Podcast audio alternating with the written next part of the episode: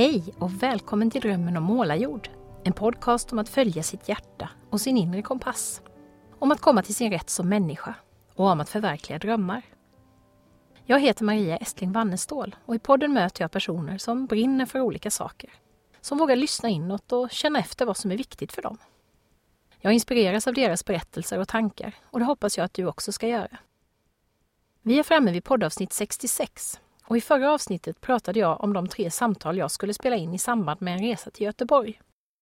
Av dessa fina inspelningar blev det ingenting eftersom jag istället hamnade i sängen med den värsta influensa jag någonsin drabbats av.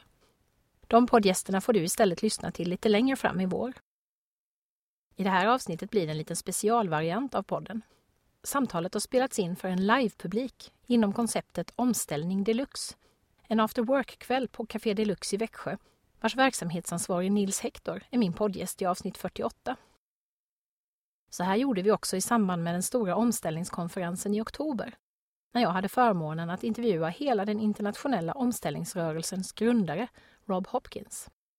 Vårt samtal kan du höra i avsnitt 55. Den här gången gjorde vi Omställning Deluxe som en del av Växjös årliga miljövecka, Earth Week. Med vår slogan Europas grönaste stad har vi ju lite att leva upp till. Och därför gör vi exempelvis mer än bara en Earth Hour. En hel vecka med en massa intressanta och inspirerande aktiviteter med hållbarhetsfokus. Själv föreläste jag om min och äldsta dottern Sannas barnbok Lovis, ansjovis och jorden om hur man kan arbeta med hållbarhet i skolans och förskolans värld, som den boken handlar om. Vår omställning deluxe bjöd bland annat på hållbarhetsbingo, musikquiz med natur och miljötema och livemusik. Men så hade vi också en fin, fin gäst som jag fick äran att poddintervjua, nämligen Martin Emtenäs, folkkär programledare med bland annat ett tiotal säsonger av Mitt i naturen i bagaget. I höstas var jag och tittade på den fantastiskt fina föreställningen Vi som bor här, där Martin pratade biologisk mångfald på scen tillsammans med en annan poddgäst, Stefan Sundström, som du kan lyssna på i avsnitt 57. Samtalet med Martin är uppdelat i två delar. Det blir lite för långt att köra i ett svep när man gör det inför livepublik. Och de andra röster du hör förutom min och Martins tillhör Lena Gidne och Per Wallin, två av mina goda vänner som också är engagerade i Omställning Växjö. Eftersom det är liveinspelning inför publik som dricker öl, käkar pizza och pratar en del är ljudet inte optimalt. Jag har dessutom väldigt dåligt med röst efter influensan, men jag hoppas att du ändå ska höra vad vi säger. Välkommen till Café Deluxe i Växjö och poddsamtalet med Martin Emtenäs.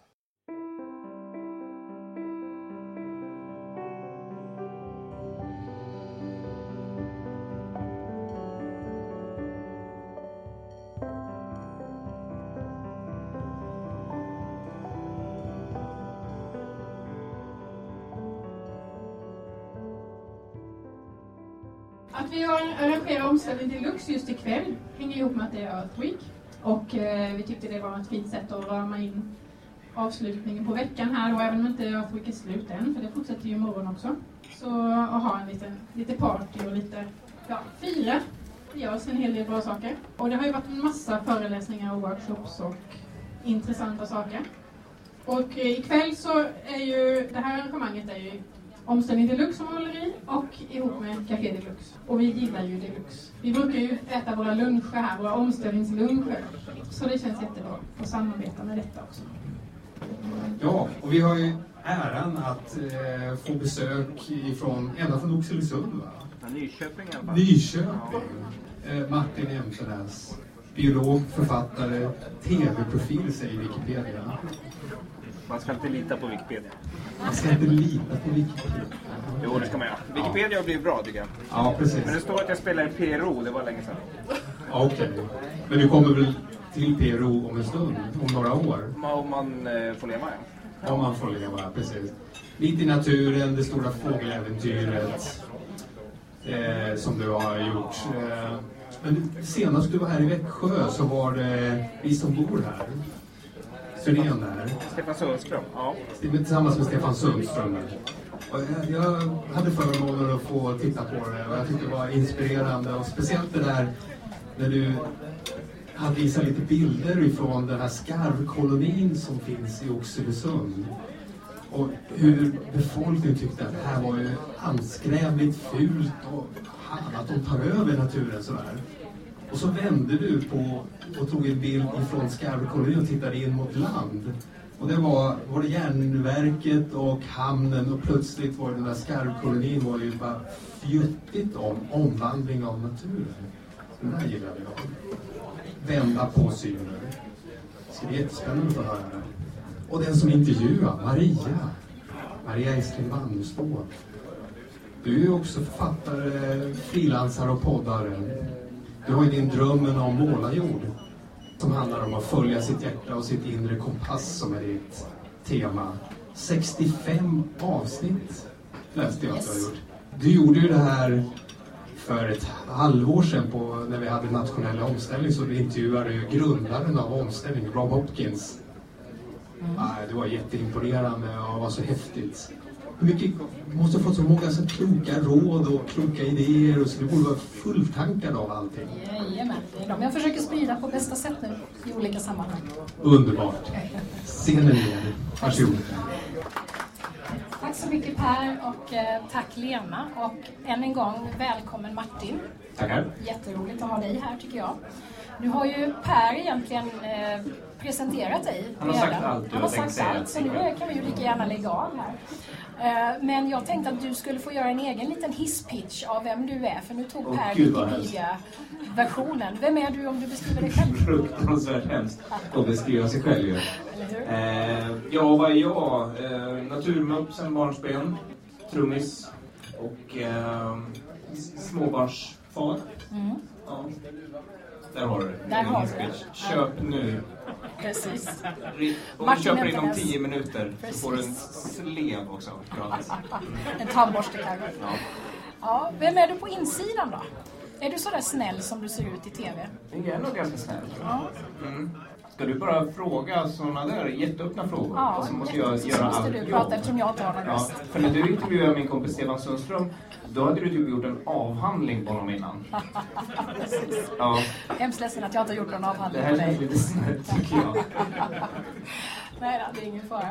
Okej, en snäll kille, småbarnspappa, naturmupp och lite av varje och så rocktrummis dessutom. Ja, Ja. jag tycker det låter jättebra. Men du, det här eh, natur och miljöintresset, det har funnits med ända sedan du var riktigt liten då, eller? Kom det från din familj, eller var, var kom det ifrån? Ja, jag tror det. Alltså, det har ju funnits där hela tiden. Eh, och min pappa var lärare i eh, naturkunskap och kemi, så jag antar att det kom en, en rejäl dos därifrån. Ja. Sen var det ju Mulle och Strövarna och allt sånt Ja, där. just det. Mm. Det var jag också med, kommer jag ihåg. Ja, Strövarna. Strövarna, det var bra idé. Ja. Så att det var liksom ingenting som du kände dig påtvingad, utan det, det, det kom liksom eh, naturligt, eller hur Ja, framförallt en fascination för naturen har jag alltid haft så långt jag kan minnas. Mm. Och aldrig känt något påtvingat Nej. i det. För det tror jag många brottas med idag, att man gärna vill att ens barn ska tycka att det är härligt att vara ute i naturen. Men det är inte alltid de är sådär på hugget, har jag märkt med mina egna i alla fall. Nej, och det, nej, så är det ju. Och det funkar ju inte att försöka Nej. få dem intresserade. Så är det med mina egna barn också. Ja. Att, eh, ja, det, det får bli vad det blir. Jag kan ju försöka. Jag försöker i alla fall att säga vad fåglar heter.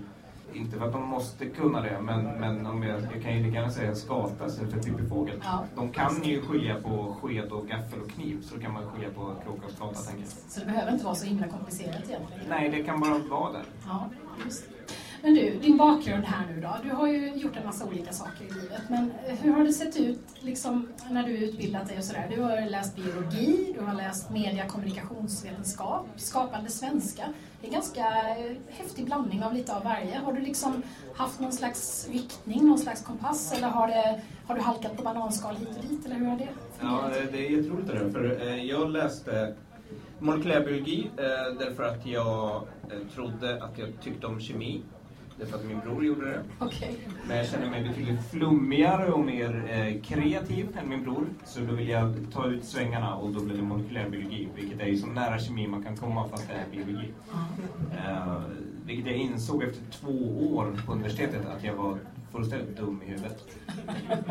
Därför att det är ju inte, det är ett liv i labbrock det också. Och det vill inte jag. Biologi tycker jag är intressant. Men, eh, och molekylärbiologi i teorin tycker jag är intressant. Men, men herregud, efter två år så, så då vet man det som är intressant. Som tyckte det räckte, räckte bra. Så då började jag bara eh, testa mig fram.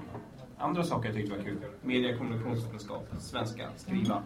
Eh, och bara flummade omkring egentligen och gjorde studentradio på fritiden. Ja. Och till slut så gjorde jag mer studentradio än pluggade. Okej. Och sen slutade jag plugga.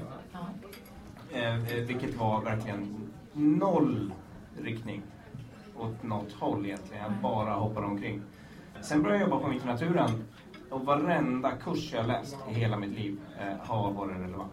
Vad häftigt. Men gjorde du inte ett litet mellanspel på lokalradion där emellan Ja, på också? P4 i Sundsvall Ja. jag i tre år. Ja, just det. Eh, asbra skola. Ja. Tre Så- timmar direktsändning om Ja, dagen. det. Så det här med studentradio och lokalradio, det bäddade liksom för Ja, det radio blev min dröm på något vis. Mm. Det här var ju, först höll vi bara på med nonsens, vi gjorde bara dumheter. Så jag och en kille, vi hade ett program där vi som i stort sett gick ut på att få den andra att skratta så att den så var tvungen att krypa in under bordet så vi inte skulle höra. Eh, det gjorde vi i ett och ett halvt år tror jag. Ja. Sen fick jag intervjua ehm, Lars Winnerbäck som var min stora idol då. Oj, han som aldrig ger några intervjuer. Nej, men det här var ju, han var ju ung. Han var det här var länge sedan. Han var, han var ganska känd. Jag tror han släppte sin tredje platta då. Men då blev det ju så himla fascinerande att det här kan man ju använda till någonting mer än att få sin kompis att, att skratta. Så att han gör bort sig i radio. Eh, och då blev jag alldeles fast för hela det berättandet. Mm. Ja, det är ett spännande medium. Det är bra. Ja. Hur halkade du in på, eller halkade, hur tog du dig in på Mitt i naturen sen då och blev en av Sveriges mest folkkära programledare? Det låter ju jättemärkligt. Vilket hopp, genom tiderna. eller hur va? Nej, Visst det är var- han det? Ni. Nej, det var ju bananskal. Eh, därför att jag jobbade på radion i Sundsvall. Då gjordes Mitt i naturen i Sundsvall i samma hus. Och de var väl oerhört lata när de rekryterade kan jag tänka. Eh, för att jag fick frågan om jag ville provfilma. Och det ville jag ju. Eh, det var ju roligt. De visste inte ens om att jag var naturnörd och hade läst biologi. Utan de hade hört mig i radio och tyckte, det här var bra. Du är ju ändå i samma hus. På något vis. Eh, men det gick bra. Provfilmningen gick bra. Det var ett improvisationsmoment som jag är väldigt stolt över. Där man skulle eh, bara improvisera. Och då fick man så här, gå upp för den här backen och prata om det här trädet. Eh, och jag drog världens lögnhistoria. Som de, hela redaktionen trodde på. Men det var inte ett ord som var sant. Eh, så det var väl det kanske.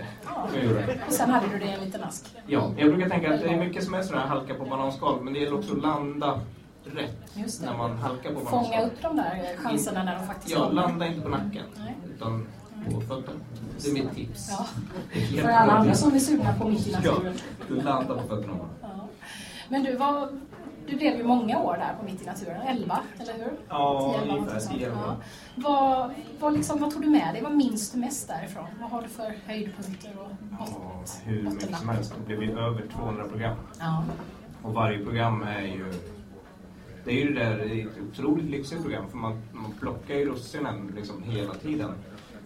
Man väljer ut någonting som man vill berätta om och så åker man till den bästa platsen med den främsta experten. Ja. Gång efter gång efter gång. Det är helt Fick, du styr, fick du styra över det själv mycket? Eller? Men ganska mycket. Man var ju med i hela processen och i början där, de första sju, åtta åren tror jag, gjorde vi 32 program. Mm. Så det blir en himla... Har man en idé som man brinner för så, så blir den av. Ja, visst. Vad var det allra roligaste då? Kommer du ihåg det? Ja, men det är ju så himla mycket. Det är så, Ja, svårt att plocka ja, ut. Ja, verkligen. Så det, blir som i olika kategorier på något vis. Har du något sånt där riktigt läskigt minne? Ja, men det är sällan... Äh, enda riktigt läskiga med djur tror jag det var ett, ett möte med björn. Ja. Öga mot öga på ganska kort håll. Då känner man på något vis, eller jag kände det. Jag, jag var väldigt nära eh, vildvarg till exempel. Kände, då var jag bara lycklig. Mm. Men när man är väldigt nära en björn så händer någonting i kroppen, i min i alla fall, som är någonting helt annat. Mm. Min tanke var att jag skulle gå lite närmare den björnen, men det, det gick inte. Nej.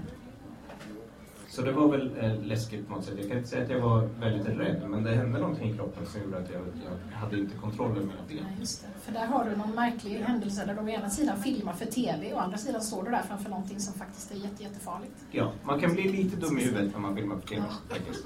Eh, och, och sen kan jag också bli dum i huvudet av min egen entusiasm och så här nyfikenhet. Jag kröp in med, med huvudet före in i en grotta i Uganda där vi trodde det skulle finnas eh, krokodiler. Ja. Och det, var först, det var först efteråt jag tänkte varför kröp jag in med huvudet först i den grottan. väldigt trångt var det. Man skulle in i en passage för att se om de låg och, och inte övervintra utan vänta ut torkan så låg i, i skydd där. Och det var oerhört trångt. Och jag tyckte bara var så här, men vi måste ju in där med en liten kamera. Så det enda sättet är ju att krypa. Det är jätte, jättedumt. Ja, det är jätte, jätte. Det är Det så- var inga krokodiler. Nej. Det var däremot ungefär en miljon fästingar i den Det var nog så farligt Det var ganska äckligt. Nej, men det är ganska fascinerande det där tycker jag med de där programmen där folk står och faktiskt gör jätte, jättefarliga saker framför kameran och man undrar hur tänkte du här nu då? Man tänker sen. Ja, Min mamma var jätteglad många gånger att programmet, när programmet sändes var jag redan hemma. ja just det. Ingen direktsändning i naturen. Tack och lov. Jag såg ett eh, klipp eh, tidigare idag när du stod bland en massa råttor på en soptipp också. det var ganska det var, spännande. ja, det var fascinerande. Det är en av de coolare grejerna tycker Ja. jag. Eh, Årstatippen tror jag var utanför Stockholm. Eh, mitt i natten. Jädrar Ja. vad mycket råttor. De har gjort om lite grann sophanteringen nu, men då var det verkligen högar med sop, eh, bara soppåsar. Och vi var där och filmade på dagen och eh, de sa så här, ni måste komma tillbaks ikväll för det är då råttorna tar över den här soptippen. Och vi hade filmat hela dagen, eh, råttor i kloakerna och eh, hemma hos någon som hade tamråtta och så vidare. Så vi var ganska trötta. Men det lät så mäktigt så vi åkte dit på natten. Och så lämnade vi en kamera för att se vad som händer. Och det kommer fram så mycket råttor så att det, det är liksom, man ser nästan ingenting annat än råttor i de bilderna. Det Otroligt fascinerande. Ja, det finns ett liv liksom under, bortanför där vi är. Där vi Där vi ser. vara. Ja. Men det är vi som, det är vi som har Det är skapat vi som här eh, skapar förutsättningarna för att de ska vara där. Ja, visst. Du, eh, du gjorde ju något annat spännande också, en dokusåpa om fågelskådning. Det låter ju jättemärkligt. Hur eh, Ja, det var gick sånt till? Eh, det- hur gick det till? Det var ett, ett holländskt format från början. Eh, som vi gjorde om lite grann. Eh, vilket är superkonstigt egentligen att ha någon slags dokusåpa i fågelskådning. Fågelskådningstävling med till exempel Anders Bagge som inte ser skillnad på en plastpåse och en svan. Men det blev väldigt roligt. Eh, och min tanke med det programmet var att öppna dörren för de som, som har en helt stängd när det gäller ett naturintresse. Och i det här fallet fåglar. De personer som aldrig har lagt märke till en fågel i hela sitt liv. Att när man väl har fått någon slags nyfikenhet så att när man går ut i alla fall ser att det är fåglar och börjar tänka, undrar vad det där är för fågel? Då har man kommit väldigt, väldigt långt. Så det var hela grunden. Det började ju verkligen extremt mycket på noll. Eh, många av deltagarna var Ja, ju just det. De hade aldrig varit med om någonting liknande tidigare. Nej. Nej. Nej, Martina Haag sa att för henne var eh, fåglar som lyktstolpar. De är där. Ja. Aldrig funderat över Då, har man ju, då börjar man ganska långt ner. Ja. Tror du att de fick med sig någonting som påverkade dem sen med resten av... Men jag tror alla som var med öppnade den dörren. Så att de i alla fall ser fåglarna och tänker tillbaks på det här och tänker också att kanske en liten sån. Jag minns inte vad det här var för fågel. Eh, Medan några blev lite mer bitna. Arman, boxaren, han, han har ju börjat med fågelskådning. Riktigt. Jag tror. Ja, spännande. Du, eh, Per nämnde ju den här föreställningen Vi som bor här som beskrevs som en föreställning om biologisk mångfald i mellanrummet mellan glitter och gråsuggor. Jag tycker att det är väldigt vackert beskrivet. Och jag var också Det är vackert beskrivet och det är oerhört flummigt beskrivet. Jag fattar ingenting. Ja, men det beskriver väldigt väl vad det, vad det var på något sätt ändå, för det var ju där ni var. Det var ju liksom lite glamour, det var musik och det var eh, intressant och det var samtidigt också väldigt mycket substans i det hela tyckte jag. Så jag fick ut otroligt mycket av den föreställningen. Och jag var väldigt imponerad av dig där, för vi har ju sett dig nu mitt i naturen och står där framför kameran, men du visade ju upp en sån mångsidighet i den här eh, showen tycker jag. Kunskap, humor och sen det här när du gick och satte dig och spelade trummor också. Och bara eh, rockade loss till allas eh, stora jubel. Var det så? ja, det var jätte, jättehäftigt. Men hur kom du in i, i det här? Varför blev det du som skulle hålla i detta? Ja, det var Riksteatern som eh, Riksteaterchefen Måns skickade ett mail till mig. Han undrade om vi kunde ha ett möte. Jag berättar när vi ses. Det var, inget, det var bara hans pitch. Kan du komma till Stockholm på ett möte? Jag berättar sen. Och då fick jag frågan om jag ville skriva en föreställning om biologisk mångfald. Med i stort sett totalt fria händer. Sen tyckte de att det vore intressant med musik till och tipsade om, så här, kan vi ta Stefan Sundström? Vilket eh, har jag, genom hela mitt liv har jag följt Stefan Sundström. Så det var ju Precis som jag. otroligt bra. Mm. Jag har inte skrivit någon avhandling. Du har inte gjort det? Nej.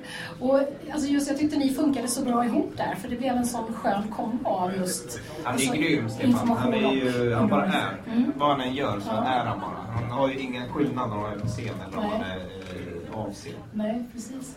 Och jag poddintervjuade Stefan Sundström i samband med att han var och, och gjorde den här eh, in, eh, turnén. Och då sa han att när ni var ute under den här resan så lärde han sig så oerhört mycket av dig. Därför att du tog med honom ut på allvaret när ni var på Öland och du tog med honom ut i skogen och lärde honom om allt möjligt. Eh, så att han fick ut så mycket av det privat också, berättade han. Förutom att han tyckte det var jättekul att stå på scen tillsammans med dig. Då tänkte jag ställa motsvarande fråga till dig. Fick, lärde du dig någonting av Stefan? Om turnélivet? Inte något? Inga låtar? Inte hur man sköter sin publik? Nej, nej men Stefan, eh, jo men han brinner ju för väldigt många frågor eh, också. Har väldigt bra koll på mycket grejer. Mm. Eh, men han nördade ner mig på tomater som är hans stora grej. Ja, jag tänkte det. Gav mig en massa frön som jag satte alldeles för många av. Så jag plötsligt här 120 plantor hemma. Vad fan gör man åt dem? Just det. Eh, Jag fick ut 85 i trädgården i alla fall efter att ha grävt upp hela trädgården. Så det, han eh, slängde på mig den tomathysterin. Men sen är det ju mycket liksom hela sättet att vara på på något vis. Det är bara väldigt skönt att hänga med. Ni hade ju också en eh, spännande approach i den här turnén där ni plockade upp lokala miljö och naturmänniskor som har gjort någonting för sin eh, hembygd. Här i Växjö så var det ju Ingmar Karlsson och Maja Söderberg som var på scen till exempel. Hur hittade ni de här människorna? Eh, där hade vi ett samarbete med... Eh, Riksteatern är ju en, en organisation som, som har massor med småföreningar. Mm. Eh, ja, drygt 200. De sattes ihop med lokala naturskyddsföreningar och andra lokala föreningar för att brainstorma fram namn. Och sen hade vi en fantastiskt bra researcher som satte ihop det här. För jag, det var ju 38 platser, jag hade ju inte chans att, att hålla ordning på det där. Nej. Så jag lärde mig varje ny plats på förmiddagen samma dag för, för att kunna hålla liksom, min hjärna lite mer än så. Nej. Helt enkelt. Den blir full. Vad fick ni för reaktioner när ni var ute nu? Nu var ni ju alltifrån södra Skåne till eh, norra Norrland. Jättebra. Uh, oväntat bra tycker jag eh, i vart den prickade. För det var samma reaktioner överallt. Att folk var glada, deprimerade, eh, väldigt tagna. Någon slags så här, det här måste vi lösa, men jag kommer ha mördarna. Eh, på något vis. Att den, den hittade in på ett sätt som, som jag hade hoppats på men som jag inte trodde skulle hitta in så pass bra. För det var samma reaktion överallt. Ja, nej, men det känner jag igen också det här att man gick därifrån och var både, man hade lärt sig någonting nytt men man hade också fått lite mer jävlar anamma att nu banne mig skärper vi till oss här Ja. tar hand om vår värld lite bättre. ja. Du, eh, vi ska pausa här nu och så ska vi köra lite musikquiz och sen så tar vi ett pass till här klockan kvart över sju tror jag. Mm. Så tack så hemskt mycket så länge. ja, tack så länge.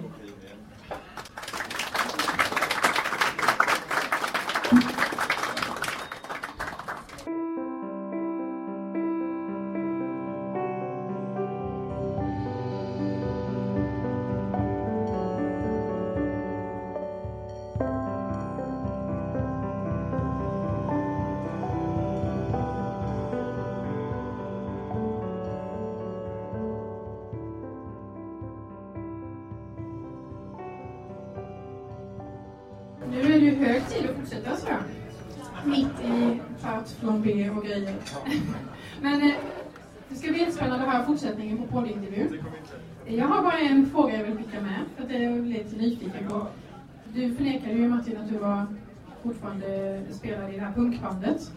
Men jag är ändå intresserad av den kopplingen. Finns det någon sån koppling? Punk, omställning, förändra världen? För när Rob var här och du intervjuade honom Maria, så var han inne på det här med punk. Att man köpte instrument och drog igång och gjorde själv. Vad tror du om det Martin? Punk och omställning. Ja, punken är ju som någon slags motreaktion tror jag mot allt. Känns det som. Uh, sladdrigt och skitigt och argt och liksom eh, sparka åt alla möjliga håll. Det kan väl vara en motreaktion. Eh, det är väl en omställning mot det som är i så fall. Det där, Sen kan det ju sakna riktning ibland. Men just det där att liksom ta tag i saker själv, det är ju det mycket omställningsrörelsen står för också. Att inte vänta in politiker och företag och så, utan att vi, vi kan göra saker på egen hand. Och det, där tycker jag det finns klara par- paralleller mellan eh, punken och omställningen på det viset. Mm. Jaha, ska vi fortsätta Martin? Det tycker jag vi kan Yes. göra. Du Martin, det här med musiken. Du sa ju att du spelar ju inte i PRO längre. Men eh, vad betyder, alltså vad har musiken betytt för dig? Vi är ju på ett ställe där musik är otroligt eh, centralt här på Café Deluxe. Här är mycket konserter och så. Hur, eh, vilken roll har musiken i ditt liv? Den har varit jätte, jätteviktig. Jag började spela trummor när jag var, jag vet inte, vad kan det vara, 14 kanske? 13, 14? Och eh, det var det jag ville göra mest av allt. Eh, spelade hur mycket som helst och i många småband i, i Nyköping och Sundsvall. Jag flyttade till Umeå för att Refuse kommer därifrån. Eh, vi spelade mycket hård, hardcore eh, hemma i Nyköping och Umeå var ju hardcorens huvudstad. 90-talet. Så jag och en kompis, vi sökte bara till Umeå. Så nej men den har varit central. Verkligen. Spelar du fortfarande förutom nu när du var ute på turnén med Stefan och Ja, nu bor jag i Nyköping så då spelar vi eh, hardcore-punk förstås. Som bör. Med några eh, ja, kompisar som bor kvar som spelade i andra band på den tiden. Eh, ett gäng småbarnsföräldrar som eh, eh, fortfarande tror att vi är 17 och är jättearga. Okej. Och har ni några stora ambitioner för det här? Ska ni liksom ut och frälsa världen med er musik? Eller? Ja, vi repar ju en gång varannan månad. Har skrivit fyra låtar som vi snart kan. Så ja, vi ska ta över det. Ja, härligt. Låter bra. Då kommer du tillbaka och spelar för oss här på Deluxen kanske om något år. Ja, om 35 år. Yes. När vi kan fem låtar. Underbart. Eh, du, jag, jag ser någon slags skapande, kreativ eh, röd tråd i mycket av det du har gjort. Och du har ju också skrivit bok, har jag upptäckt. En barnbok. Ja, eh, ja, det har jag gjort. Vilda djurboken heter den. Ja. Jag har skrivit en bok innan det också som heter Upplev Sveriges natur för eh, vuxna barn. Okej. Vad är, vad, varför vill du skriva? Vad är det du vill göra? Jag skriver också en sån grej som jag alltid har tyckt om. Eh, det var mina favoritämnen som, sådär, i högstadiet och tidigare var biologi, kemi och svenska. Att skriva då. Och varför just barn då? Varför vill du skriva för barn? Också en, en dröm, eh, vilket var väldigt talande när när jag valde att läsa molekylär biologi. Så hade man så en veckas introduktion till det med lite lära känna varandra, lekar och nollning och sådär. Vi bodde ute på någon kursgård utanför Umeå. Och en av grejerna som vi fick se där var vad folk som hade gått den utbildningen hade blivit. Så var det massa olika yrken. Och en hade blivit barnboksförfattare och då tänkte jag att det skulle jag vilja bli. Sen tog det då två år innan jag hoppade av. Ja. Men det blev en bok till slut. Det blev en bok till slut. Det tog ganska många år, men ja. Har du fler sådana här skrivprojekt på gång? Har du, vill du skriva mer framöver? Ja, jag ska skriva en ny barnbok har jag tänkt. Eh, Och förlaget har tänkt det. Ja. Så långt har vi kommit. Är det hemligt? Ja, det är väl inte så hemligt om jag inte riktigt vet vad det är. Fler mer än så. så det, jag kan avslöja allt. Du kan avslöja allt, Ja. det vill säga inget. Nej, men vi ska ha ett möte om ett par veckor och klubba detta. Spännande. Det ser vi fram emot. Du, du har ju gjort en förfärlig massa roliga saker genom livet egentligen. Du har varit programledare, du har spelat musik, du har skrivit, du har eh, ja, till och med hjärtat Kronprinsessan i TV, eller Ja, hur? jo, ja, jo. lite otippat. Vad är det allra roligaste du har gjort av alla saker som har funnits på din, som finns på ditt CV tycker du? Oj, oj, oj. Uh, gud, sådana där frågor tycker jag är sinnessjukt svåra. För man ska värdera saker mot varandra. Något extra minnesvärt då? Eller någonting Ja, som jag, liksom jag jobbade på kollo i åtta somrar från när jag var 16 och så åtta somrar framåt. Det var ju fruktansvärt roligt eh, och också en sån här sak som har format mig väldigt mycket. Vara ledare för, för barn och ungdomar. Ut och paddla, titta på dumma lekar och sådär. Sånt som du tog med dig sen när du körde det stora fågeläventyret kanske och skulle göra samma sak fast med vuxna? Ja, det är lättare att hålla ihop en grupp åttaåringar än de där som vi hade. Det var som eh, vår, eh, vår producent, han stod ofta och skrek att eh, Det är som att valla katter! Jag kan vara skitarg på, på de här vuxna människorna som sprang åt olika håll och inte passade någonting. Dina ledaregenskaper, funkar det inte där då? Eller de lyssnar? Jag slapp ju leda den här gruppen. D- När de var liksom uppställda, då klev jag in och sa mina saker dem. Du hade Sen gick jag därifrån och tänkte, eh, det här får ni lösa. Det hade behövts lite mer där kanske. Eh, har du nya projekt på gång nu eller vad, vad ägnar du dina dagar åt just nu förutom att komma till Växjö och prata på Earth Week? Eh, jag har ju precis klivit av den här live-versionen av Planet Earth. Där eh, BBC, den gigantiska tv-serien, görs i en live-version med musiken live. Eh, en symfoniorkester från Prag, 75 personer. Och sen så utvalda klipp från tv-serien på gigantisk storbild. Eh, och så presenterar jag klippen, för sen är det bara naturbilderna och musiken. Och sen på eh, Sinnessjuk-projektet i Globen och Skandinavium den typen av serier. Men det gör, du, det gör du live alltså inför publik då? Jo, då får man ju stå där. Ja. Men det är, det är motljus, så man ser inte att det är någon där. Nej. Så det är inte så läskigt som det låter. Ehm, men sen hoppas jag, nu har jag en massa små projekt egentligen, eh, väldigt blandat. Men eh, bok är väl det som jag tänker mitt Ja. Barnboken som ska komma till. Ja, spännande. En samvetsfråga. Det här är ju Earth Week, det här är omställning deluxe. Hur klimatsmart lever du i, i vardagen? Har du koll på det? Uh, om jag har koll på det jag, har inte gjort någon sån mätning för att se vad jag har koll på. Jag har koll på det så pass jag vet vad jag behöver bli bättre på och vad som, vad som är bra. Uh, byta elleverantör håller jag på och liksom försöker välja runt. Tycker jag är en av de större. Flyga betydligt, betydligt mindre än vad jag gjort förut. Eh, också en sån sak som jag... Det är väl den omställningen jag gjort senast tror jag. Eh, och där energiförbrukningen är väl, är väl nästa som jag går på. Tänker du mycket på de här sakerna Oh i ja. vardagen? Försöker du eh, influera andra omkring dig? Inte, alltså i mitt jobb gör jag ju det. Det var ju liksom hela höstens turné var ju det. Och jag har ju väldigt mycket tankar om det där. Eh, Däremot så ger jag mig inte på folk Du är inte sådär besvärlig när ni sitter och tar en öl? Nej, jag tycker det ofta har motsatt effekt. Man måste vara oerhört smart när man gör sådana saker. Och man måste göra så att insikter får ramla ner av sig själv. Inte påtvinga det. Det blir ofta, jag tycker ofta det blir konstig stämning och tvärtom resultat. Och det är lite som omställning och eh, det här ledordet vi har här, att mer fest än protest. Alltså det här lite grann att vi ska, ja, men vi ska, vi ska hitta bra saker som vi kan göra istället för att bara tryckas fulla med det negativa och allt som går åt skogen så ska vi försöka hitta inspiration och, och lösningar. Och, och, Ja, men det blir lätt någon, någon slags vi mot dem kan jag tycka när man, när man eh, är i en grupp som tycker väldigt mycket om, om en sak och sen försöker förmedla den så kommer man med en hel grupp och ger sig på eh, enskilda individer. Så blir man väldigt liten som individ när man möter den här, Yes. den här upplysta gruppen på något sätt. Man känner sig som att man inte är den upplysta. Nej. Och jag kan tycka att det är inte så konstigt att folk gör som de gör. Därför att vi har oerhört stora systemfel. Jag brukar tänka på våra journalister. Oh, det gjorde jag i, i höstas. Jag fick en sån fäbless för att förolämpa journalister som ringde. jag. blev var alldeles för glad för det. Eh, men eh, man har tänkt sig att hur många, när man skulle välja till gymnasiet, vad valde man då och varför?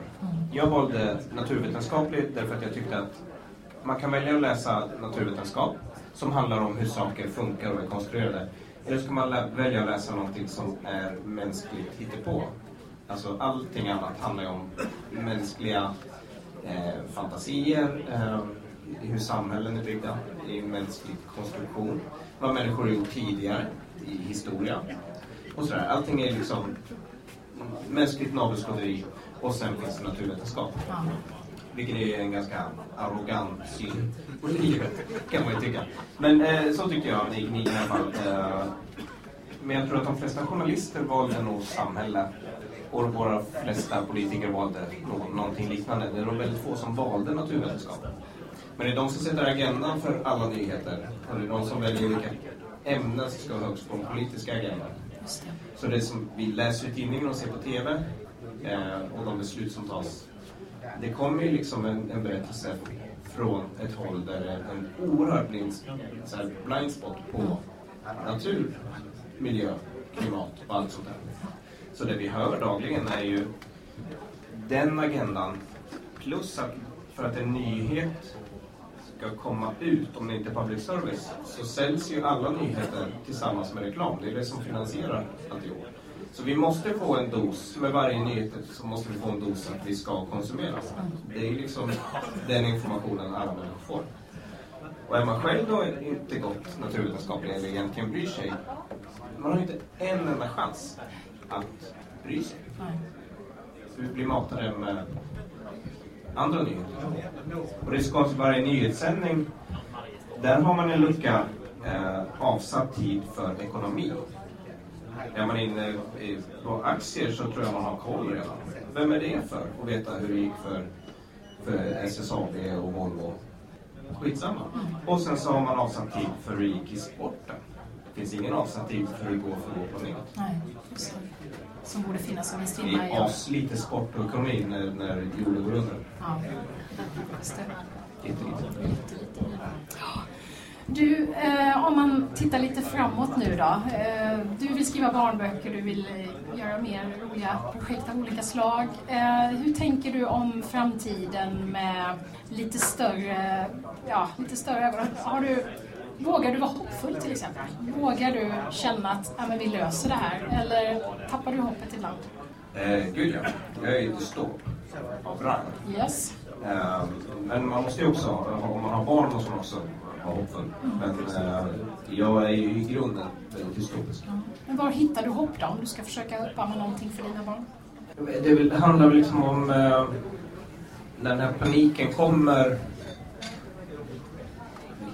konstigt att den kommit egentligen när man tänker att det är, så här, man säger att det är tre år kvar innan, innan det är för sent att försöka vända på, på. Och paniken ändå inte kommer det är liksom i de politiska och eh, det inte kommer högre upp på agendan ändå. Det är ju väldigt märkligt. Men, men någonstans så kommer det en omställning.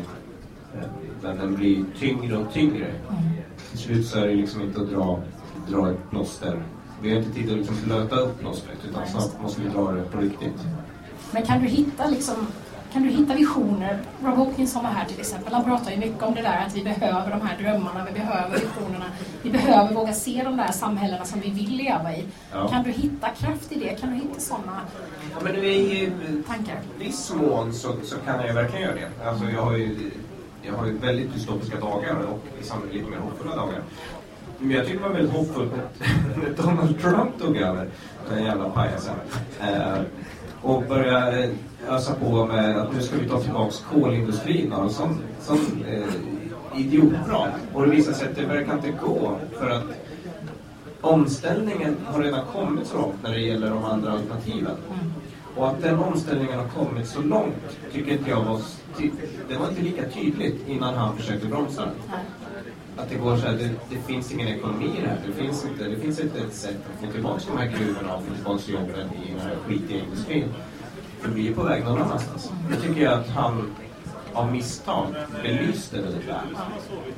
Ja, Martin, imorgon så ska du prata eh, på föreläsartorget på biblioteket. Vad Ja. hade du tänkt att du skulle säga då? Ja, är det något du har kvar att säga? Det är imorgon. Det är ju imorgon. Det är en annan dag. Eh, jag tror jag kommer att prata rätt mycket om oss människor. Eh, vilka vi är och varför. Var vi kommer ifrån. Eh, vilka vi är biologiskt och vilka vi är i våra huvuden. Mm. Då hoppas jag att många som är här idag kommer att lyssna på Martin imorgon. Och eh, jag skulle vilja tacka dig så jättemycket för att du ville komma till Växjö för det första. Och för att du ville vara här på Deluxe och fira fredagkväll med oss idag. Eh, jag tänkte också kolla, är det någon i publiken som har någon fråga som du vill passa på att ställa till Martin innan vi släpper iväg honom här?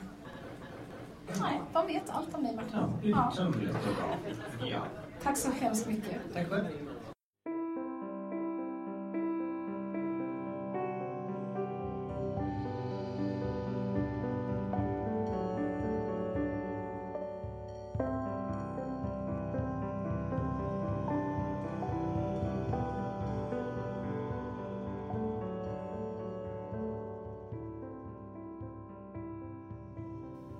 Så har jag inte bara fått träffa Stefan Sundström utan också Martin Emtenäs från Vi som bor här-föreställningen.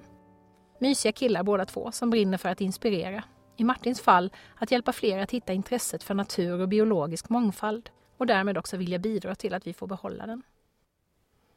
Jag hittar flera paralleller till Martin, som barndomens naturintresse. Jag hade en lista där jag prickade för alla fågelarter jag hittade. Kärleken till skapandet och inte minst barnboksförfattandet. Sen är det ju det där med att vi båda har tyckt så mycket om Stefan Sundströms musik genom åren. Nu var det ju inte en hel avhandling jag hade skrivit om den, utan bara en liten B-uppsats, men ändå. Något som jag också känner igen är svaret Martin gav på min fråga om vad som varit allra roligast av allt det han gjort. Det han lyfte fram var ju inte de stora mediakickarna, utan somrarna som kolloledare.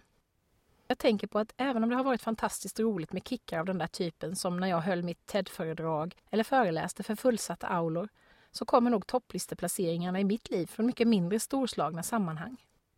På senare tid har det exempelvis handlat om möten med mina romanläsare, under bokcirkelträffar och föreläsningar i små lokala demensföreningar, när människor kommer fram och tackar och kramar mig efteråt. Det där att göra någonting som verkligen betyder något för en enda människa känns väldigt stort för mig. Samma sak med podden. Jag får frågor ibland om jag vet hur många lyssnare jag har, om jag når ut till många. Men för mig är inte det så himla viktigt. Det viktiga är att jag når ut till rätt människor, de som har glädje och nytta av samtalen, som inspireras att kanske ta ut en ny kompassriktning, ta tag i en gammal dröm eller förändra en situation som inte fungerar. Martin och jag pratade också om klimatsmarta val i vardagen, som att välja en bra elleverantör eller att flyga mindre. Som du som har lyssnat på podden tidigare eller läst mina blogginlägg vet tog jag för en tid sedan beslutet att faktiskt inte flyga alls mer, utom om det dyker upp ett riktigt klimatbra sätt att göra det på. Jag håller med Martin om att det ofta är bättre att försöka inspirera andra genom hur man själv lever än genom att tala om för andra hur de ska leva. Och så brukar jag ju också göra. Men när det handlar om sånt där som flygandet så har jag faktiskt stuckit ut hakan betydligt mer än jag vanligtvis brukar göra. Jag har känt att jag kanske ändå måste bidra till att det faktiskt är nödvändigt med en del dåliga samveten för att vi ska få till en normförändring. Att det alltså helt enkelt inte ska kännas okej okay att flyga utan ordentlig reflektion. Lite som när vi förändrade samhällets normer kring rökning i offentliga rum eller barnaga. Ja, hur som helst är det ett viktigt jobb han gör, Martin Emtenäs, i sitt arbete med att få fler och fler att förstå vilken fantastisk värld vi lever i. Och jag fortsätter på mitt håll med podden, bloggen och mina böcker. Jag skulle vilja läsa ett litet citat från Lovis ansjovis och jorden om när barnen i skolan har en samtalscirkel om sina känslor kring naturen och jorden. Lovis kompis Adam i boken blir ledsen när han tänker på att så många djur är på väg att dö ut. Och då säger deras fröken så här, citat. Det är inte så konstigt att det gör ont i oss när vi ser naturen förstöras. Vi är ju en del av den. Men det kan vi glömma bort om vi inte vågar känna efter när vi är ledsna. Det är jätteviktigt att tårarna får komma ut så att vi hittar vår kärlek till naturen. Den kärleken behöver vi om vi ska orka kämpa för att göra jorden frisk igen. Slut på citat.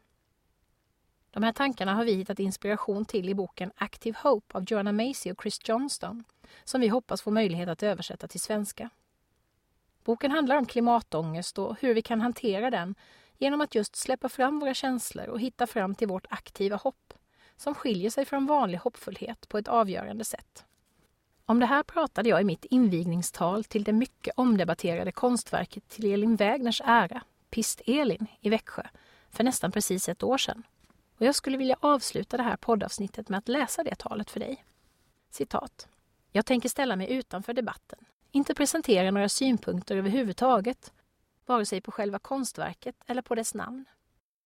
Som före detta språkforskare har jag däremot fascinerat och på avstånd följt debatten kring namnet Pist-Elin. Tänk att språk kan väcka så mycket känslor. Egentligen handlar det ju bara om ljud som vi producerar med våra kroppar, eller om bokstäver på ett papper eller en skärm. Att det så blev väldigt tydligt för mig under mina år som lingvist, inte minst när jag studerade engelska svordomar. Ordet pist fanns med i min undersökning och medan jag analyserade texterna tappade svordomarna jag utforskade allt mer sin känslovalör. De blev bara forskningsobjekt som jag klassificerade utifrån ordklass och satsdel, betydelsefunktion och könsperspektiv. Pist, adjektiv eller passivt verb. Attributiv eller predikativ. Men på något sätt känns det helt rätt att namnet Pist-Elin väcker så mycket känslor. Diskussionen är lite som en reflektion av Elin Wägners eget liv. Ett liv som på många sätt kännetecknades av hennes förmåga att just väcka känslor genom de bokstäver, ord och meningar hon använde i sina många texter. Debatten reflekterar också Elins starka känsloengagemang. För jämställdhet mellan könen, för barnen, för freden, för miljön. Elin Wägner stred under många år för en bättre värld. Och hennes långa kamp får mig att tänka på begreppet aktivt hopp, myntat av den amerikanska författaren, ekologen och miljöaktivisten Joanna Macy. Macy menar att vår kamp för en bättre värld ofta hämmas genom att vi bara orkar kämpa när vi känner oss hoppfulla. När vi tror på att det som vi hoppas på verkligen kommer att lyckas. Aktivt hopp däremot handlar om att fokusera på vad vi verkligen vill ska hända, oavsett hur sannolikt det är att det kommer att lyckas. Och att agera i den riktningen. Att fortsätta kämpa, även när det ser alldeles hopplöst ut. Det var säkert mycket som såg ganska hopplöst ut i Elin Wägners värld, precis som i den värld vi lever i nu, där vi ständigt matas med skrämmande rapporter om klimathot, flyktingkatastrofer och orättvisor av olika slag. Men precis som Elin Wägner måste vi fortsätta kämpa, oavsett hur hoppfullt eller hopplöst det känns. Vi kan alla bidra med små pusselbitar. Vi kan alla ta små steg. Vi kan välja att hoppas på en grönare, skönare, mänskligare värld. Slut på citat. Min nästa poddgäst blir, om inget oförutsett inträffar, konstnären Sofie Aronsson. En mycket färgstark person med spännande tankar om hur vi bland annat kan använda kreativitet för att leva våra liv fullt ut.